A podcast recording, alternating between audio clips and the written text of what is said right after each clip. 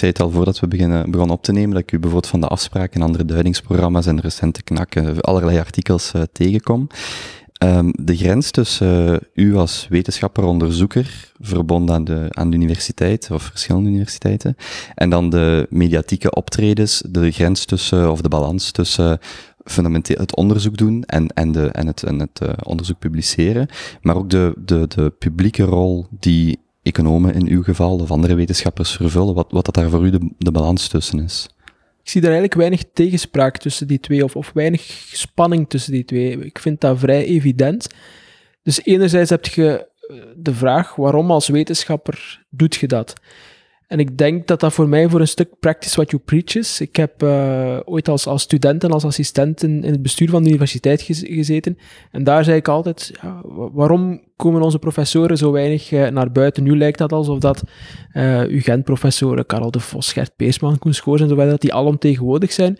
Maar toen had je eigenlijk Karel de Vos en je had en voor de rest heel veel KU Leuven uh, in de media. En toen vond ik, onze professoren moeten meer naar buiten komen. Dat gaat ons helpen om fier te zijn op onze instelling uh, en zo verder. Dus het zou een beetje gek zijn mocht ik daar, mocht ik daar nu niet uh, ja, aan meedoen en eigenlijk vanuit mijn, mijn onderzoek duiding geven. Ik denk dat dat voor een stuk ook iets is dat de belastingbetaler van ons verwacht. Um, sommige collega's zijn heel veel bezig met, met een onderzoek scheppen daar ook heel veel uh, genoegdoening in. En ik heb soms een heel klein beetje het gevoel dat voor sommigen hun, hun baas of degene die zij willen plezieren, hun wetenschappelijke pier is die in het buitenland woont.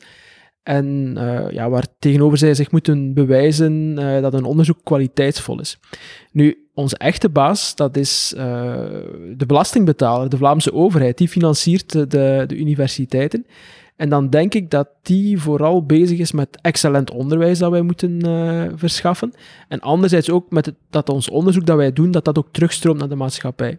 Dus dat is voor mij de, de ene kant uh, van het verhaal. De andere kant uh, is natuurlijk dat, um, ja, dat, dat omgekeerd, dat dat iets is dat dat dat voor een stuk uitdagend uh, ook is. Uh, een andere manier om, u, om uzelf te ontplooien. En dat dat iets is dat u, dat u aantrekt of niet aantrekt. Ik vind ook niet dat iedereen uh, dat per se op dezelfde manier moet doen. Hè. Dus ik denk dat het belangrijk is dat we met ons onderzoek maatschappelijke impact hebben of maatschappelijke dienstverlening doen. Maar dat hoeft niet te betekenen dat iedereen opiniestukken moet gaan schrijven of, of, of wat dan ook. Maar het ligt u wel. De, de rol, ik zal dan, en ik bedoel niet per se optredens in de media, maar de rol als uh, uh, aanreiker van, van, van, kennis, van inzichten, van economische uh, opinie of toelichting? Het is, iets, het is een van de zaken die ik, die ik fijn vind om te doen, ja, dat zeker. Hm. Is, het een, is er een generatiekloof tussen de mensen die, de nieuwe onderzoekers of, of uh, proffen zelfs, wanneer u het argument zegt of wanneer u zegt van kijk, we hebben ook een, een uh, uh, niet enkel een, een um, verplichting naar uh, wetenschappelijke peers, maar ook naar bijvoorbeeld het, uh, de maatschappij in bredere zin. Is dat iets wel voor, uh, loopt dat langs de lijnen van generaties of, of heeft daar iets anders mee te maken? Dat is een goede vraag. Ik denk het niet. Hè. Dus als ik, als ik zeg, als ik verwijs naar bijvoorbeeld Karel de Vos, ja, Karel de Vos is, is niet iemand, als je die bezig ziet, dat je denkt van de, de volgende generatie doet het beter. Ik vind dat hij nog altijd, bij wijze van spreken, op, op eenzame hoogte staat. Dus het is niet zo dat, dat nieuwere generaties iets hebben gevonden waardoor dat zij daar meer aanleg toe hebben of dat zij daar zich meer toe aangetrokken voelen. Het is ook niet zo dat we dat massaal doen of massaal hoeven te doen. Wat je wel voor een stuk ziet, is dat binnen de volledige academische gemeenschap, binnen de universiteit, dat die discussie wel leeft. Hè? Dus, dus dat je naast je wetenschappelijke impact ook een zekere maatschappelijke impact moet hebben. En dat dat iets is dat de afgelopen jaren meer en meer op, op, op de agenda van, van discussies binnen de universiteit is gekomen. En dat men probeert om daar ook wel uh, incentives voor te geven. Ik denk dat dat wel voor een stuk uh, een reden is waarom dat het zou kunnen aantrekken de komende jaren. Maar dat het iets zou zijn dat een nieuwe generatie professoren meer geneigd zouden zijn vanuit zichzelf om dat te doen, daar geloof ik niet in. Integendeel, ik denk dat mijn generatie heel sterk is opgegroeid in het idee van de publicatiedruk.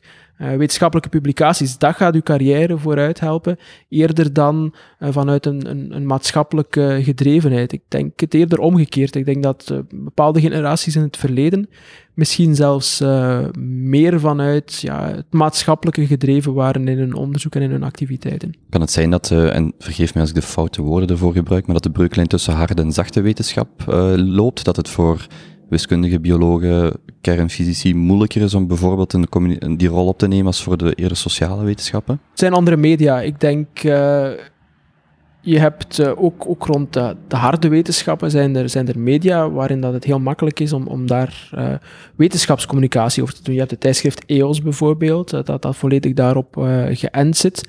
Je hebt in, in deze periode uh, ook heel veel harde wetenschappers die tussenkomen in de, in de coronacrisis.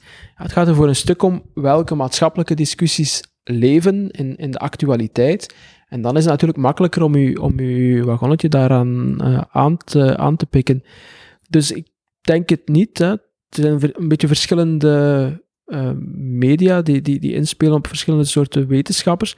Maar voor een stuk denk ik dat er heel erg veel onderzoek is dat vertaalbaar is enerzijds naar de bredere maatschappij via wetenschapscommunicatie. En anderzijds uh, ook vertaalbaar is naar het, naar het beleid. Het zijn gewoon andere domeinen waarin het tot uiting komt. Dus ik zie die, die breuklijn niet zo. Sommigen zeggen van, ja, in feite als je bezig bent met de arbeidsmarkt, is het misschien wel iets evidenter om, om je onderzoek uh, vertaald te krijgen. Maar dan, dan, dan begin je te spreken met die mensen en dan denk je van ja, daar is, daar is in hetgeen dat jij aan het doen bent, in misschien harde wetenschappen, of exacte wetenschappen, daar is misschien evenveel interesse of dat spreekt misschien heel, e, evenveel tot de verbeelding. Ik heb uh, bijvoorbeeld een, een, collega, ik heb er juist gezegd, ik, zat een tijd in het bestuur als student en als assistent, en toen ik er als assistent zat, had ik een collega, Wouter Rogist, dat is een harde, exacte wetenschapper, die is bezig met wachtrijtheorie. Maar die is geïnteresseerd in wetenschapscommunicatie en dus die is, die is heel vaak uh, in de media terug te vinden over de wachtrijen in pretparken, de, de, de wachtrijen in publieke toiletten en, en die, die, die levert daar bijzonder interessante inzichten. Uh, en dat, dat heeft altijd heel veel tractie, die verhalen dat die, dat die, dat die brengt zonder dat je a priori zou denken van dat is nu iemand die we in het maatschappelijk debat gaan sturen vanuit dat onderzoek. Dus ik denk dat de vertaalslag in heel veel onderzoek uh, kan gemaakt worden, als men daar zin in heeft en als men daartoe gestimuleerd wordt. U zei het net, er waren relatief veel KUL-proffen in de media of die die rol opnamen. En u zegt wij, of ik wil van hieruit het ook doen. U bent altijd aan de Universiteit Gent uh, verbonden geweest, beginnend als student. Ja, ik ben een volbloed Genter en dat speelt zeker ook mee. Dus als ik daar juist zei, practice what you preach. Ik, ik, dat, ik hoopte dat, dat UGent-professoren meer uh, zouden deelnemen aan het maatschappelijk debat ja, dan had dat er ook daarmee te maken. Hè. Dus die, die fierheid op de instelling, de wens dat we ook met z'n allen vierder zouden zijn, vanuit, het, vanuit het idee, als wij zelf niet fier zijn op deze instelling, dan kunnen we het ook van de buitenwereld niet verwachten en dan kunnen we ook uh, als, qua, qua uitstraling met deze instelling niet groeien. En dat heeft te maken met het, met het feit dat ik uh, heel actief geëngageerd was als student en toen is die band uh, heel sterk geworden. En ja, eigenlijk is het voor mij zo dat er, dat er dat de UGent bij wijze van spreken niet alleen de beste universiteit is van België, maar ook voor mij de enige die ertoe doet uh, ter wereld. Uh, in feite, ik zou uh, nu nog, laten we zeggen, vijf keer meer mogen verdienen aan een andere instelling. Als ik, als ik hier kan, kan werken, dan zal ik daar geen, niet lang over nadenken. Dan is het hier waar dat mijn, ja, mijn verbondenheid en mijn passie ligt. Ook afkomstig van Lokeren, als ik het goed heb? Het is te zeggen, ik ben geboren in Lokeren, maar ik ben opgegroeid in Wasmunster. Dat tegen Lokeren uh. Moet je eens vragen voor een verre Limburger zoals ik, geografisch, Westminster? Het is heel makkelijk, Westminster. Het trekt een lijn tussen Gent en Antwerpen en precies in het midden ligt Westminster. Hmm. Ga, je, ga je een beetje terug naar Gent, dan heb je Lokeren, dat invloedssfeer Gent is. Ga je naar de andere kant, dan heb je Sint-Niklaas, dat invloedssfeer uh, Antwerpen is. En het meest interessante dat over Westminster te vertellen is, het is niet zo heel veel, maar Westminster heeft drie zonenummers het zonenummer van Gent, de 09. Zonnenummers zijn de oude de telefoonnummers. Ja, de telefoonnummers, ja, ja, sorry. Je hebt de, voor, de jonge, voor de jonge. Ja, ja, sorry. een deeltje ja, van de vaste lijnen, inderdaad. Mm. Um, een deeltje van Westminster heeft de 09, het zonenummer voor de vaste telefonie van Gent, en een deeltje heeft de 03 van, uh, van Antwerpen. Tot zolang dat nog relevant is. En dan is er ook nog 052, dat denk ik invloedssfeer uh, Dendermonde is. Maar daarmee hebben we Westminster eigenlijk uh, toegelicht. Dat is alles wat er over... de originaliteit van Westminster. Ik moet wel zeggen, de zonnenummers is inderdaad lang geleden dat dat, dat überhaupt nog eens bovengekomen in gesprek. Um, Kijk, nu zit jij verward. Dus ik, ik, ik, voel vooral ook een nostalgische. Uh, nu, nu, gaat door mijn hoofd letterlijk de nummers van mijn ouders, van mijn grootvader. En ik heb daar misschien tien jaar niet meer aan gedacht, mm -hmm. omdat ik dat, de 089 van Genk associeer natuurlijk. Dat zonnenummer associëren met de nummers dat ik het vaakst als kind heb gedraaid. Dus uh, dat gaat nu door mijn hoofd. Um, Loker geboren, Westminster opgegroeid en dan in, als, op je 18 ook naar Gent verhuisd. Ja. Ik ben nu in de helft, uh, ik woon nu voor de helft van mijn leven in, uh, in Gent. Dus ik, heb, uh, ik ben 36, 18 jaar in het Waasland, laat ons zeggen, ge geweest. En dan nu 18 jaar in Gent. Eerst als kotstudent natuurlijk en daarna hier blijven plakken. Ik besef, en dat gebeurt wel vaker, dat ik na een kwartier eigenlijk nog niet heb gevraagd om u, of het zelf niet heb gedaan, maar ik ga het bij deze vragen om u voor te stellen of te introduceren van waar mensen u kennen of zouden kennen voor ik, voor ik verder ga met, met uw opleiding burgerlijk ingenieur. En over welke mensen heb je het? Uh, die in, uh, op de podcast wel eens komen. Het gebeurt soms dat wij aan het vertellen zijn. Over laatst was uh, Dado van Petegem en we waren twintig okay. minuten over techno aan het praten. En toen had ik ineens door van, maar Dado, ik, mensen gaan natuurlijk hun naam herkennen als ze hierop klikken en ze hebben wel een, een, een, een idee, maar ik vraag altijd graag aan iemand om zichzelf voor te stellen. Oké. Okay. ik ben Stijn Baart, ik ben als arbeidseconoom, professor arbeidseconomie, verbonden aan de Universiteit Gent. En daarnaast ook in een, in een nevenactiviteit aan de Universiteit Antwerpen uh, doseer ik één, één vak en doe ik ook een beetje onderzoek uh, waarvan ze mij kunnen kennen. Um, ik denk op een bepaald moment in, in het maatschappelijk debat heb ik een, uh, een voorstel gelanceerd om, om de werkloosheidsuitkeringen te, te herbekijken, om die versterkt degressief te maken. Uh, dat was een moment dat ik, dat ik veel deelnam aan het debat in, in die context. En dat is, dat is nadien een beetje gebleven over, over arbeidsmarktgerelateerde thema's. Uh, brugpensioen, uh, pensioenen in het, in het algemeen, die, die werkloosheidsuitkeringen. Uh, ook in de context van, van de verkiezingen vorig jaar rond een aantal voorstellen meegediscussieerd hebben. Bijvoorbeeld het idee, moeten we die pensioenen nu, nu verhogen of niet? Dus in, in, eigenlijk, als mensen zeggen van, hoe kom je regelmatig tegen en het gaat zo'n beetje over van alles, dan zeg ik eigenlijk dat is dat niet waar. Het gaat altijd over werk uh, en op die manier is het ook altijd verbonden aan mijn, uh, mijn onderzoeksexpertise.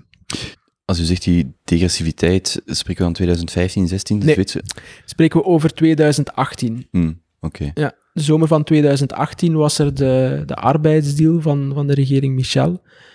En ik had in de maanden daarvoor al regelmatig dat idee van die degressiviteit, dus het idee dat de uitkeringen wat hoger zijn dan nu in het begin van de, van de werkloosheid, maar dan sneller dan nu zouden, zouden afnemen. Dat kan een aantal uh, maanden in een aantal opiniestukken uh, ja, herhaald en in verschillende contexten betrokken. En dan was er de discussie over, over de arbeidsdeal die er, die er ging komen in de zomer van 2018. En had ik dat punt nog eens opnieuw gemaakt, maar rechtstreeks gericht aan, aan de toenmalige minister van Werk, Chris Peters. En die dus op, op basis daarvan ook uh, contact had opgenomen, gezegd van kijk, stuur dat toch eens, eens door de ideeën die je daaromtrent hebt. En toen is dat heel snel gegaan. Het is te zeggen snel gegaan als, als principesakkoord. Het zat dus in die arbeidsdeal.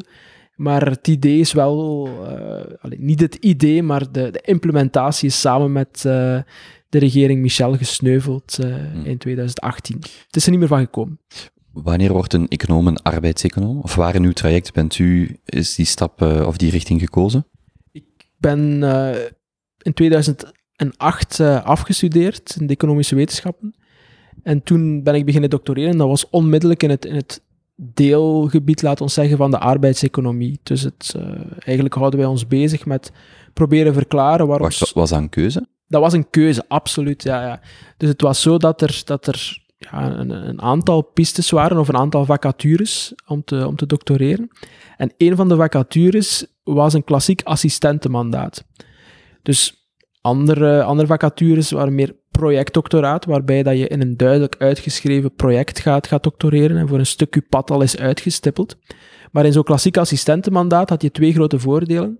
Ten eerste, ik kon onderzoek doen combineren met lesgeven, en dat wou ik, dat wou ik toen al heel graag.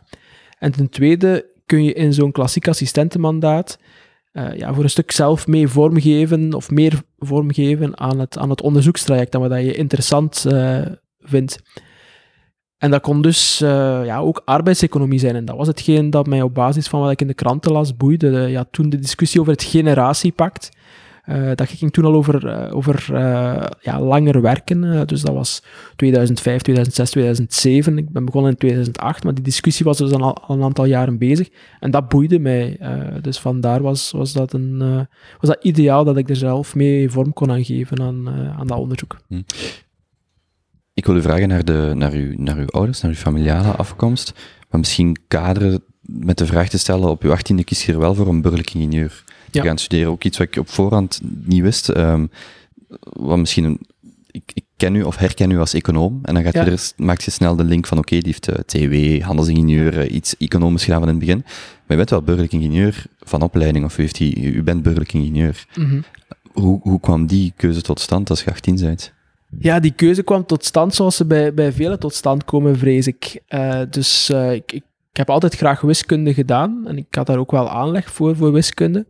En dan word je toch gemakkelijk in de richting, of werd, ik kan dat natuurlijk niet meer zo inschatten hoe dat dan nu precies zit, maar toen als je, als je goed was in wiskunde, ja, dan werd je toch door heel veel mensen geduwd in, in, in de richting van bulk ingenieur, maar dat iets uitdagend was. Dat begint dan in het eh, middelbaar met Latijn, Grieks-Latijn, uh, dergelijks? Of wetenschappen? Ik heb um, Griekse wetenschappen gedaan. Ja, um, met zes uur wiskunde, dus, dus ook voldoende wiskunde om die opleiding te kunnen starten. En ja, de wiskundeleraren in de, in de laatste jaren, die beginnen nu een beetje te pushen. Hè. Dat, is, dat is goed bedoeld, want dat is ook een, een, een mooie richting.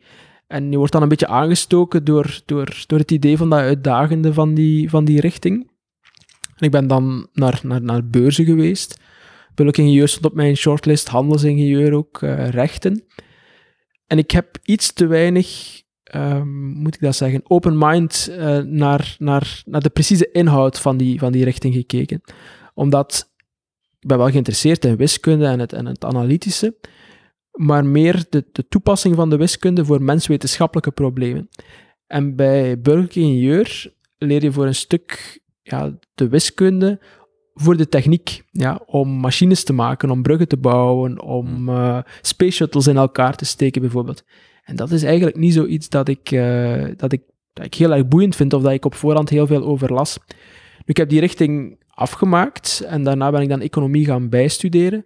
Maar mocht ik nu opnieuw beginnen, zou ik waarschijnlijk voor handelsingenieur kiezen, omdat dat een, ja, een bredere opleiding is die toch meer menswetenschappelijk van aard is, waarbij dat je analytisch wordt geschoold, zodanig dat je goed problemen kunt opdelen en oplossen.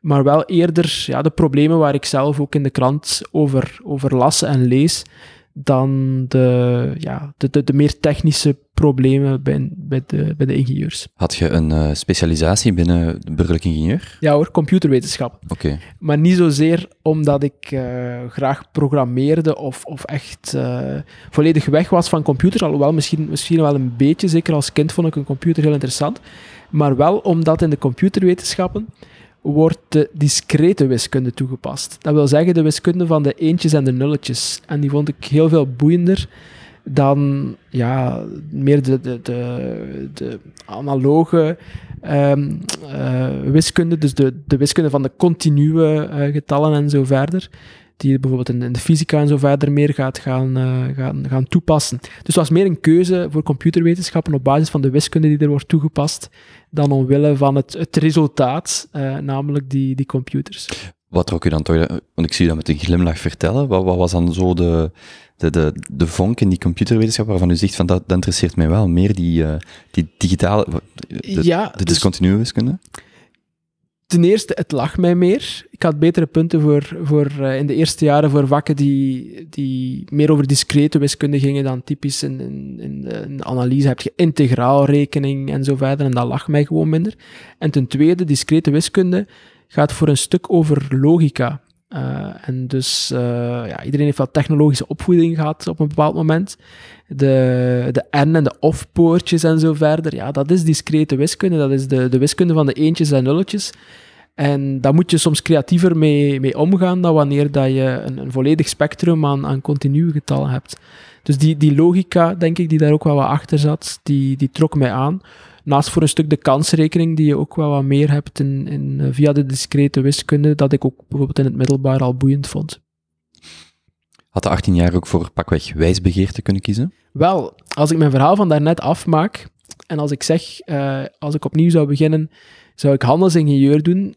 Als ik dan even lang mag studeren als dat ik nu heb gedaan, namelijk zeven jaar, zou ik voor handelsingenieur en wijsbegeerte kiezen. Ja, dat zou absoluut mijn, uh, mijn combinatie zijn die ik dan zou nastreven. Want voor een stuk de reden dat ik in de economie ben gerold, was niet alleen omdat ik een beetje onbevredigd was door die ingenieursopleiding, maar ook omdat ik nog niet uitgestudeerd was. Ik was heel actief als student. Ik vond dat bijzonder, bijzonder boeiend en dat was voor mij nog niet af, ook dat studentenleven niet.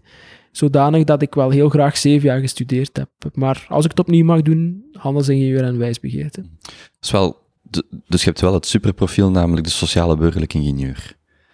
Dat, dat zullen velen tegenspreken waarschijnlijk, uh, maar de... De mensen die u het best kennen of het minst goed kennen? Uh, nee, nee, ook degenen die mij, die mij het best kennen. Hè. Dus dat betekent niet dat ze zich beklagen over een vriendschap uh, met mij, maar ja, dat introverte uh, zit er voor een stuk wel, wel in. En bijvoorbeeld in de, in de huidige coronacrisis voel ik dat dat voor mijn meer sociale vrienden veel moeilijker is dan voor mijzelf. Ik vind het thuis ja, best gezellig. Um, en ik, uh, ik kom, kom tot rust. Uh, ik, ik, vind het voor anderen veel, veel erger uh, dan voor mezelf. Ik zei al eens lachend als extrovert tegen mijn vrienden, we zouden misschien, als het dan over extra belastingen gingen voor de kiezers, we zouden een introverte belasting moeten heffen voor het feit dat, die hebben het allemaal iets gemakkelijker. Ja, kijk, misschien zou dat nog, je hebt van alles gehoord. Hè. Je hebt, je hebt gehoord van, we moeten, moeten ouderen gaan belasten, want jongeren hebben de prijs betaald. Dat vond ik echt onnozel, maar dit is misschien zelfs mm. minder gek dan dat. Mm, ja, misschien wel. Die, dus, dus ik, ik heb u wel, ik heb gelezen een, een, uh, een interview of een gesprek met u, waarin je wel zei, dus inderdaad die keuze, burgerlijk ingenieur en dan uh, de doctoraat of de master in de economie en dan doctoraat, verplaatsen of vervangen door handelsingenieur en al dan die wijs, wijsbegeerte.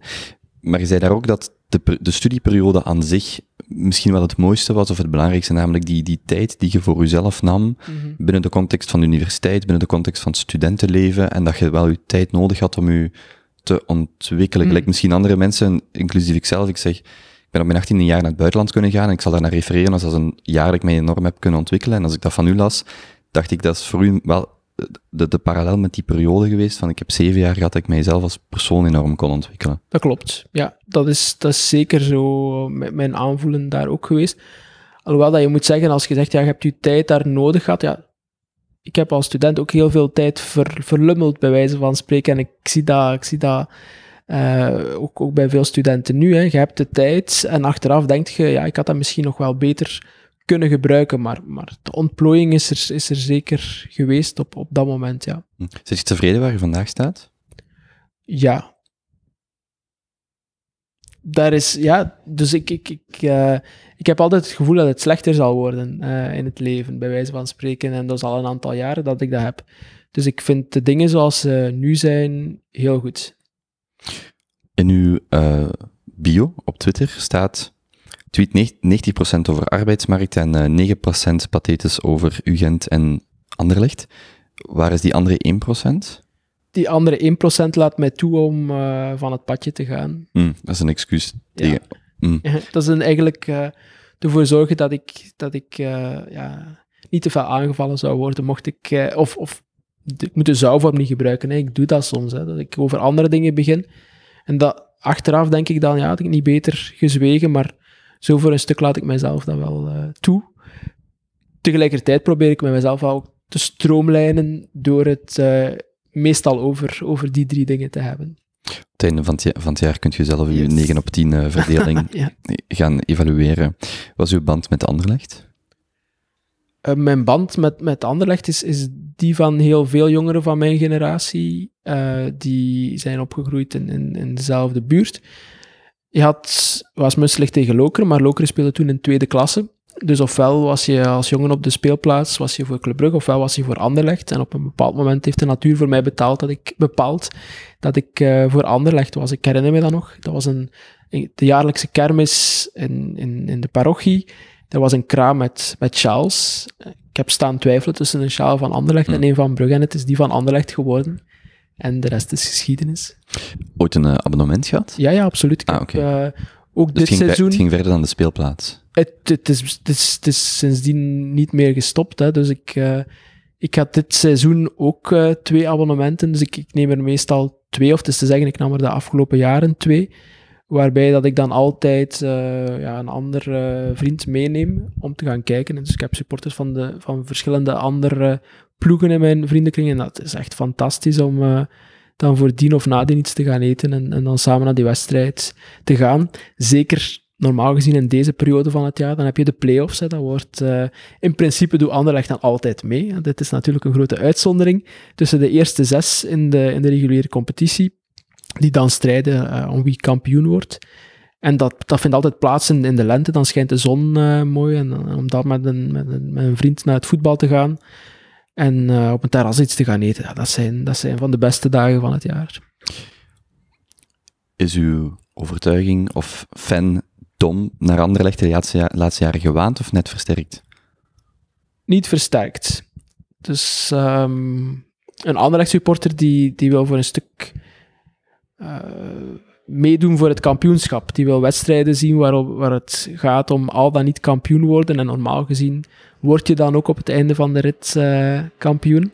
Maar je doet wel minstens mee, of je wil wel minstens meedoen. Uh, er is een aantal maanden geleden is er een, een brief geweest van het, van het bestuur van Anderlecht waarin gezegd werd, ja kijk, we leggen er ons bij neer, dit seizoen gaan we geen kampioen spelen. En veel erger nog, in die brief stond ook, ja, het zal ook niet voor volgend jaar zijn. Volgend jaar willen we meedoen voor de eerste vier. En misschien het jaar nadien gaan we terug uh, meedoen om kampioen te spelen. Ik vond, dat, ik vond dat echt vreselijk. Misschien kon het niet anders dan als ze die brief stuurden, maar ik denk dat dat bij veel andere supporters heel hard is binnengekomen omdat voor een stuk ja, ga je niet gaan kijken om, uh, om gewoon bij de eerste vier te proberen zijn. Uh. Het is bij wijze van spreken alsof dat je naar oefenwedstrijden gaat gaan kijken, als dat maar de ambitie is. Dus nee, die band is niet versterkt. Uh, ik denk niet dat ik mij toekomend jaar een abonnement zou aanschaffen. mocht, ik, ik, denk dat men, inderdaad wel abonnementen verkoopt. Zei het dan dat men niet zeker weet of men de wedstrijden gaat spelen, maar ik heb er voorlopig geen gekocht en ik denk ook niet dat ik het ga doen. Ik wil even terugkomen op uw, op uw gezin of uw achtergrond. Komt uit een academisch, intellectueel gezin? Nee, uh, het is al te zien hoe dat je dat omschrijft natuurlijk. Hè. Maar mijn, uh, mijn vader was zelfstandige en mijn mama was meewerkende echtgenote. Dus um, mijn mama was tot haar 18 jaar naar school geweest. Mijn vader was tot zijn 14 jaar, denk ik, naar school geweest.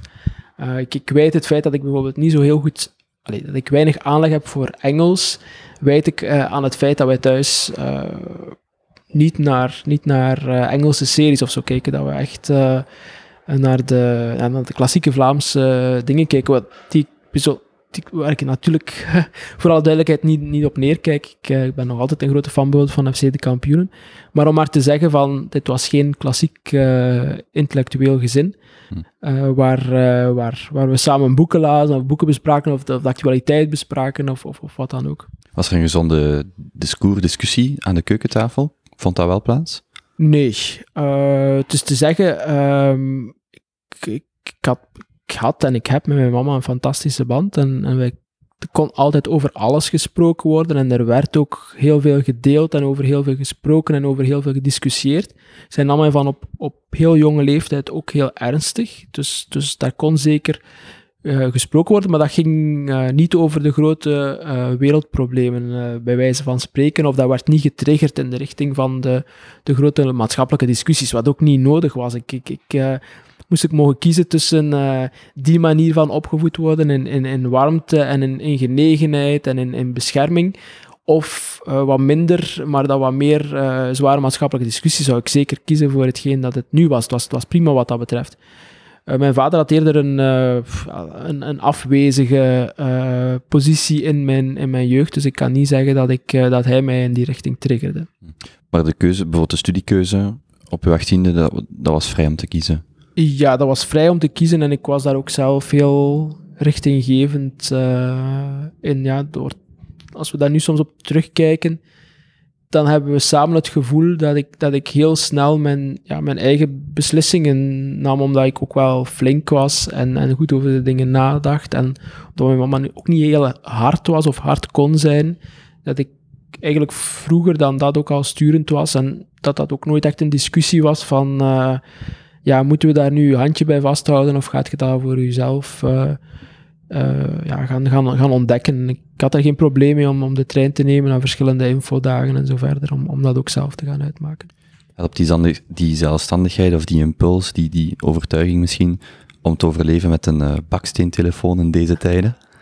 Eh, ik weet het niet of dat het een met het ander te maken heeft. Eh, de reden waarom dat ik terug naar een Nokia 3310 ben overgeschakeld, is omdat ik overprikkeld eh, was. Hè. De, de luisteraar kan dat, niet, kan dat niet zien natuurlijk, maar eh, we zitten hier in mijn kantoor en, en de, de bakkerij, als je hier het Sint-Pietersplein oversteekt, dat is eh, één minuut stappen. En voordat ik mijn, mijn smartphone had weggedaan, was ik op de route van hier naar de bakker, was ik ondertussen mijn e-mails verder aan het lezen. En, en ja, dan s'avonds is je hoofd compleet overprikkeld. Heb je uiteindelijk ook niet gedaan wat, dat je, wat dat je wou doen. Hè. Die langere termijn doelstellingen, die, die verliezen constant van de, van de korte termijn doelstellingen, van die e-mails die, die je pushen. En daarom heb ik, heb ik vooral die, ja, die smartphone weggedaan. Eh, ik denk dat, dat je het niet veel verder moet zoeken. Dat blijft een gevecht. Ook bijvoorbeeld Twitter kunnen loslaten. Ik ben er nu de afgelopen dagen, vijf dagen op rij, eh in geslaagd. Zei het dat ik, dat ik wel een reminder voor een enquête moest, moest pushen, maar voor de rest heb ik niks gelezen of, of niks gepost. En voor een stuk is dat wel een bevrijding. Je moest eens weten wat er gezegd werd. Ja, vertel het mij. Nee. Die, hoe, hoe, moeilijk, hoe ziet u, uw mediadieet in het eh, algemeen eruit? Eh, welke, welke waarde hebben, of sorry, welke waarde heeft pakweg kranten, duidingsprogramma's voor u? En misschien dat ook nog meegeven, u bent van 83, dus eh, 37 of wordt 37? 36. 36 wordt 37 eh, binnenkort. Ja, dat is juist, we zijn alle twee van oktober. Eh, op Je voelt dat het een gevoelig punt is, hè?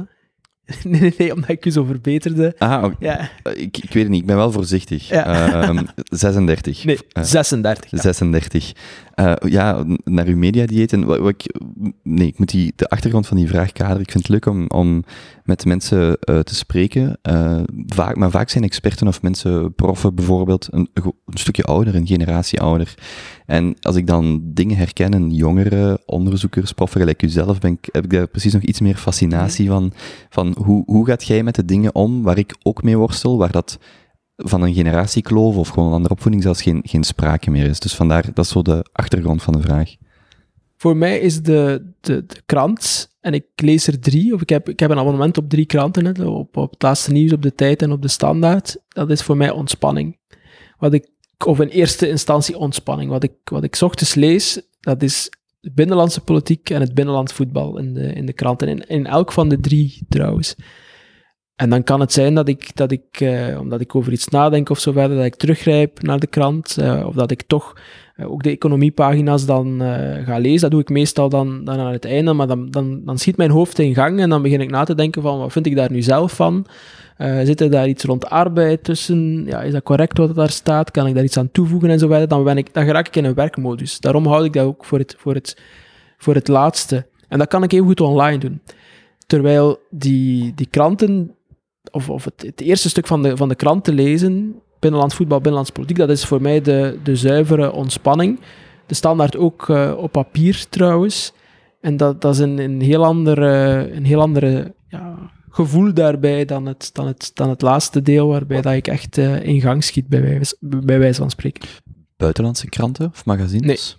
Eh, ik lees natuurlijk heel veel internationale artikels, maar ik lees geen internationale ehm, tijdschriften of, of kranten.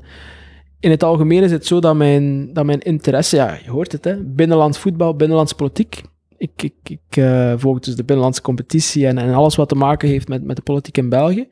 Maar eigenlijk de, de politiek in het buitenland, of de, of de Champions League of zo verder, als Anderlecht niet meespeelt, interesseert mij ja, raar genoeg vrij weinig. Het heeft misschien te maken met hetgeen dat ik daar juist zei over ja, voor een stukje opvoeding en, en, en ja, toch wat in dat, in dat Vlaams en in dat Belgische zitten. Waardoor dat ook kan verklaren waarom enerzijds dat ik die maatschappelijke impact hier in, in Vlaanderen en in België belangrijk vind, omdat hier mijn, ja, mijn, mijn interesse ook ligt. En waarom dat ik ook bijvoorbeeld nooit zou overwegen om in het buitenland te gaan werken. Er zijn uh, kort voordat ik hier prof ja, concrete uh, voorstellen geweest, nadien ook wel bepaalde um, aftasten van, van, van instellingen, uh, ook zeer prestigieus in het buitenland. Maar ik heb daar niet over nagedacht, omdat uh, enerzijds dus is het zo dat ik, dat ik hier impact wil hebben, dat hier mijn interesse ligt, en anderzijds sluit dat ook aan bij het feit dat ik uh, ja, heel honkvast ben naar, naar, naar de groep van, van vrienden en zo verder toe, dat ik, dat ik heel moeilijk aard ergens anders dan, dan hier. Ik ben in het kader van mijn doctoraat drie maanden in Amsterdam geweest, omdat ik wist dat dat belangrijk was om een, om een ehm, buitenlands onderzoeksverblijf te hebben. Maar dat was niet zo'n evidente periode. Ik heb, ik heb eigenlijk drie maanden aan een stuk gewerkt, uh, zonder heel veel meer. Uh, hoewel Amsterdam een fantastische stad is. Maar goed, ik, ik was niet waar dat ik mij echt goed voelde. Hmm. Maar dus de, de inhoud van uw werk is natuurlijk wel binnen een internationale context, als in, ook voor de luisteraar, alleen om dat, om dat duidelijk te kaderen, die voor u heeft dan wel de, de positie bij de UGent en de impact van uw werk, uw primaire afzetmarkt, is Vlaanderen, België en, en eigenlijk wat, daar, wat er hier binnen deze context gebeurt. In de, in de maatschappelijke dienstverlening. Hè. Het spreekt voor zich, mm -hmm. zoals je zelf zegt. Het, het, het, onderzoek zelf, dat is internationaal van aard. Dat, is, dat kan ook niet anders, omdat voor een stuk wat doe je als, als wetenschapper?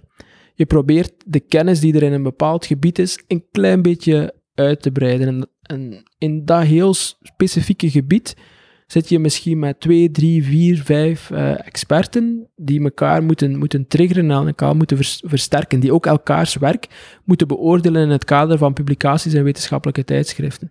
Dus dat kan niet anders dan internationaal zijn. Die moeten elkaar op internationale conferenties ontmoeten. Al denk ik wel dat dat toch in, in heel de duurzaamheidsdiscussie en zo verder, dat we daar toch goed moeten over nadenken, over die heel grote uh, conferenties maar virtueel of fysiek, die moeten met elkaar contact hebben om ideeën te kunnen uitwisselen. Dus het onderzoek is, is internationaal, dat, kan ook niet anders. Maar inderdaad, in mijn maatschappelijke dienstverlening of dienstverlening in, in het algemeen, is dat iets dat ik echt nastreef in de, in de Vlaams-Belgische context. Hm. Is er een uh, intellectuele mentor, voorbeeld waar u naar kijkt? Dat zijn twee verschillende dingen voor een stuk. Uh, ja, ik heb uh, een, qua, qua mentoren, laat ons zeggen, zijn er voor mij twee belangrijke figuren geweest uh, die, die ik heb gekruist. Um, enerzijds is het zo, ik heb, al een aantal keer verwezen naar mijn actieve studentencarrière. En toen had ik, uh, kruiste ik het pad van de toenmalige vice-rector Mark de Klerk, die ook een econoom is. Uh, en die toch ja, impliciet, expliciet een aantal keer heeft gezegd van kijk, er zit veel in u, ga ervoor. Uh, en, en die daarvoor een stuk toch die, die, die ambitie wat heeft aangewakkerd en, en ja, ook een beetje op sleeptouw heeft genomen uh, doorheen die structuren binnen de universiteit en, en zo verder. Dus, dus die was cruciaal. En dan ben ik hier binnen deze vakgroep, uh, die vroeger vakgroep Sociale Economie heette, maar die is samengesmolten met, met twee andere vakgroepen. Binnen die, die vakgroep Sociale Economie ben ik terechtgekomen bij een vakgroepvoorzitter, Eddie Omei, die uh, ja, me direct heel veel vertrouwen heeft gegeven uh, in, mijn, in mijn onderwijsopdrachten, in mijn onderzoeksgebied. Uh, heeft, heeft leren kennen en mij altijd heeft, heeft gesteund. En, en die zie ik ook als, een, ja, als een mentor in de brede zin van het woord. In de meer enge zin van het woord, in, in, in het zuiver wetenschappelijke, is natuurlijk de promotor van mijn, doctoraat, Bart Cox, is die natuurlijk ook cruciaal geweest in, in het aanreiken van, van tools ja, die, die, die, die mij meer intellectueel zeker hebben um, helpen ontplooien. Dat zijn cruciale mensen geweest. Als je dan kijkt naar, naar voorbeelden, dan gaat dat toch ook om, om wat voor mij cruciaal is, als ik, als ik, als ik denk, wat, wat zijn mijn voorbeelden, dan zijn het mensen die zowel op een onderwijs, op een onderzoek, als op een maatschappelijke dienstverlening proberen ja, goed te zijn. En die die drie dingen aan elkaar koppelen. En die los daarvan ook die vergeten ja, de breedheid van hun persoonlijkheid te tonen. Dus die niet uh, uh, niet omdat ze goed zijn in die drie zaken, daardoor uh, snops worden of, of wat dan ook, maar die ook de jongen of het meisje in zichzelf nog, nog, nog durven tonen en, waardoor het ook tof is om met, om, hen om te gaan. De, de onderwijspsycholoog Wouter Duik, ik weet niet of dat je hem kent, dat is iemand die ik, die ik heel goed vind. Ik zie u van nee knikken, dus dat is misschien iemand die mm. in de toekomst eens moet, moet horen, die, die ook altijd heel veel ambiance geeft.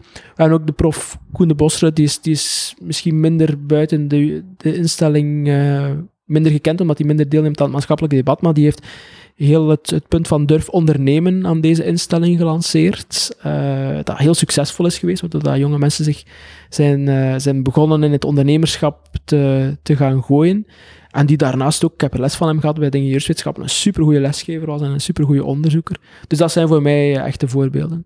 Nu kijk, knik ik wel, ja, want ik heb ooit met een UGentse student ook een handelsingenieur, een project hier gehad aan het begindagen met Steve Stevens, denk ik, uh, aan de UGent met Durf, Durf Ondernemen. Uh, Ja. Koen uh, de Bossere, Bossere was daar toen ook bij, bij betrokken. We spreken van 2011 of 12, zo, die periode. Um, wat je net zei van uh, Mark de Klerk, Mhm. uh, er zit iets in u. Wat, wat, wat zag hij dan in u? Wat ziet hij in een, in een, in een jonge gast? Oei, dat zou je hem eigenlijk zelf moeten vragen. Uh, ik weet dat hij, dat hij vond dat ik heel um, productief was. Dus hij, hij schreef, nou, hij, sprak natuurlijk in, uh, in economische termen. Hmm. Dus dat ik heel veel dingen kon combineren. Dat weet ik nog dat hij geëxpliciteerd heeft. Maar voor een stuk was dat ook een, een klik tussen, uh, ja, tussen, tussen enerzijds iemand die van nature zich makkelijk met jonge mensen liet omringen, die ook heel makkelijk met, uh, met studenten waar dat hij aan les gaf, ging gaan praten tijdens de pauze en dan ook, uh, ja, ook, ook die, die makkelijk op, op studentenvuiven en zo verder verscheen. Dus die enerzijds dat mentorschap in, in zich had, of dat iets had dat hij graag had. En zelf ben ik altijd iemand geweest die, die makkelijk optrok met mensen die ofwel iets ouder ofwel iets jonger waren, om ook uh, ja, zelf te, te leren uh, ja, van, van dat soort mensen. Uh, toevallig heb ik, heb ik vorige week nog een, een, een mail gestuurd naar, naar um, Koenraad de Bakkere, die voorzitter is van het Vlaams Relancecomité, waar ik ook, ook zelf in, in zit. En wat ik daar naar verwees, dat ik het fijn vond om met hen te kunnen samenwerken, omdat ik dacht dat hij ook iemand was wat ik ging van kunnen bijleren. Dus dat zit altijd wel in mij om uh, ja, te willen bijleren van mensen die bepaalde dingen al hebben meegemaakt. Dus dat zal zeker ook wel gespeeld hebben. Het feit dat hij ervoor open stond om voor een stuk uh, dingen door te geven en het feit dat ik daar van nature ja, in geïnteresseerd ben.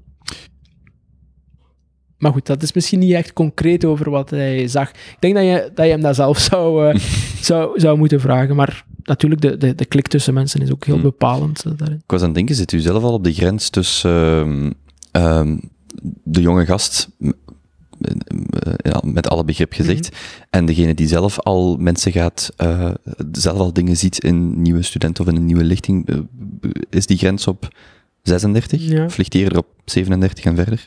Toen dat je de vraag begon te stellen, dacht ik, ik zit op de grens. Uh, soms denk als ik daar juist ook zei van, uh, misschien kan het alleen maar minder goed worden. Natuurlijk het professionele, dat, dat is nog iets anders als, als privé, maar um, heeft dat daar ook mee te maken dat ik zo voel van...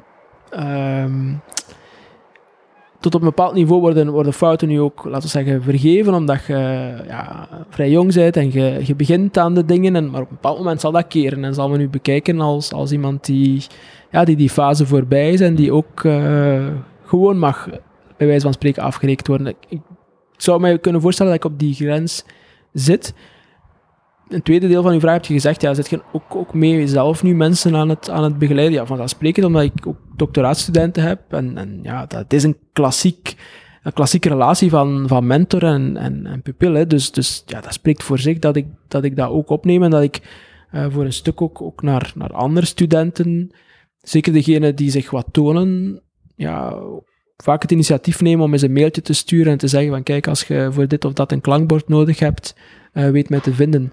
Uh, ja, zoals ik dat juist heb gezegd, dat is iets dat, dat in mij zit, dat mij boeit. En dat misschien ook wel de reden was waarom ik graag wou, lesgeven van in het begin van mijn carrière. Dus, dus ja, maar dat neemt niet weg dat ik nog altijd, uh, zoals ik daar juist ook zei, geneigd ben om mensen die bepaalde dingen al meegemaakt hebben, te vragen naar feedback. Bijvoorbeeld, Um, in, ons, in ons onderwijs, in ons lesgeven, krijgen wij studentenevaluaties. In ons onderzoek hebben wij die, die rapporten van internationale collega's. Maar in onze dienstverlening, maatschappelijke dienstverlening, deelname aan het debat, hebben dat niet. Hè? Dus er is geen objectief oordeel daarvan. En ik vraag heel vaak aan, aan mensen die, die, die wat meer ervaren zijn, van kijk, ik heb heel weinig aan, aan, of ik vind het heel plezant om een schouderklopje te krijgen, maar ik heb er nog veel meer aan als je op het moment dat je het niet goed vindt uh, wat ik doe, dat je dan ook gaat zeggen dat ik daar kan bijleren. Of als je anderzijds inhoudelijk iets heel sterk vond, dat je dat ook onderlijnt, in plaats van gewoon dat schouderklopje te geven, dat ik weet wat ik kan behouden. Dus het is niet zo omdat ik zelf mensen begeleid, dat ik niet zelf nog actief op zoek ben naar, naar, naar feedback om, om te kunnen groeien. Die periode als jonge wetenschapper en jonge professor, die die wittebroodsjaren dan zo gezegd, heeft ook te maken met het feit, ik ben terug aan het denken over die breuklijnen van daar straks, van uh, de, de, alle niet de generationele breuklijnen. Um, een, een derde breuklijn, uh, de mate waarin uw werk ook de politiek geïnterpreteerd wordt en dat je ook politiek geplaatst wordt, is dat ook iets wat met de, met de jaren per definitie gaat gebeuren, waar dat er fouten u, allee, fouten, waar dat uitspraken, fouten, standpunten u zwaarder worden aangerekend? Wat zou dat betekenen dat, dat um dat men zegt je bent niet consistent? Of, of je... Wel, maar dat men nu gaat categoriseren of typecasten in de media, maar ook categoriseren als dat is een, uh, een, een, een linkse, een rechtse politicoloog, ja. econoom enzovoort en zo. Der, wat per definitie een, een, een resultaat van de tijd is, mm. van de tijd ja. die verstrijkt. Wel, op die manier leert je mij, of geeft je mij een inzicht dat ik niet kende, dat het inderdaad iets is dat met de tijd komt. Um, dat zal vast zo zijn. Ja, we zien het samen gebeuren. Hè. Dus, dus inderdaad, uh, um, zeker nu naar aanleiding van dat, dat Vlaamse relancecomité, dat de Vlaamse regering moet bijstaan in haar, in haar relance, zitten, zitten zes mensen in. En volgens sommigen was dat te weinig divers uh, samengesteld. En dan werd er in de media, op Twitter natuurlijk ook, geageerd van dit is een clubje neoclassieke neoliberale, dus lees bij wijze van spreken eerder rechts uh, clubje. En in het verlengde daarvan ja, is het mij ook opgevallen dat de laatste tijd dat, uh, ja, dat dergelijke etiketten worden gekleefd en ik voel me daar niet zo comfortabel bij. Enerzijds omdat ik mezelf daar niet in herken, om, en anderzijds ook omdat ik het raar vind, uh, of dat ik het voor een stuk inconsistent vind met uh, wat een wetenschapper zou moeten zijn. dus ik voel me daar niet zo, niet zo comfortabel bij, bij, bij die labels. Ik ga er niet van wakker liggen, maar ik, ik, ik ben er in elk geval niet mee eens. En ik, ik zal in elk geval ook, uh, als ik het belangrijk vind, te onderstrepen dat ik het er niet mee eens ben. Kunt je er überhaupt tegen verzetten? Of wacht, een andere vraag is.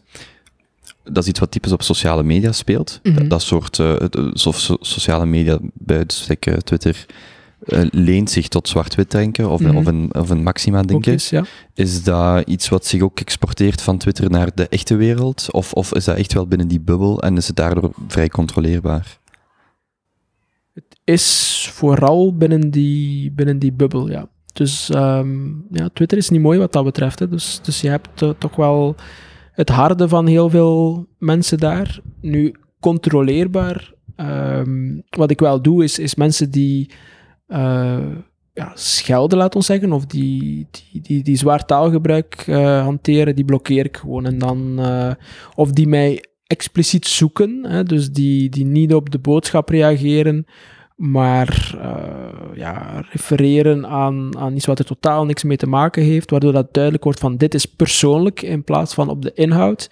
Ja, die ga ik dan ofwel blokkeren ofwel muten. Onlangs was er iemand die dat die dat niet goed begreep. Hè. Die zei van, ja, als je die persoon blokkeert, dan moet je dat ook met mij doen. Nu, ik vind niet dat ik daar veel uitleg moet, uh, moet over geven. Als ik mij beledigd voel, hoe kleinzielig ook, dan vind ik dat ik daar recht heb om op Twitter te Het is geen uh, om, die te, om die persoon te blokkeren. Hè. Dus er is geen verplichting, ten eerste, om op Twitter te zitten en ten tweede, om uw profiel openbaar te maken voor, voor iedereen.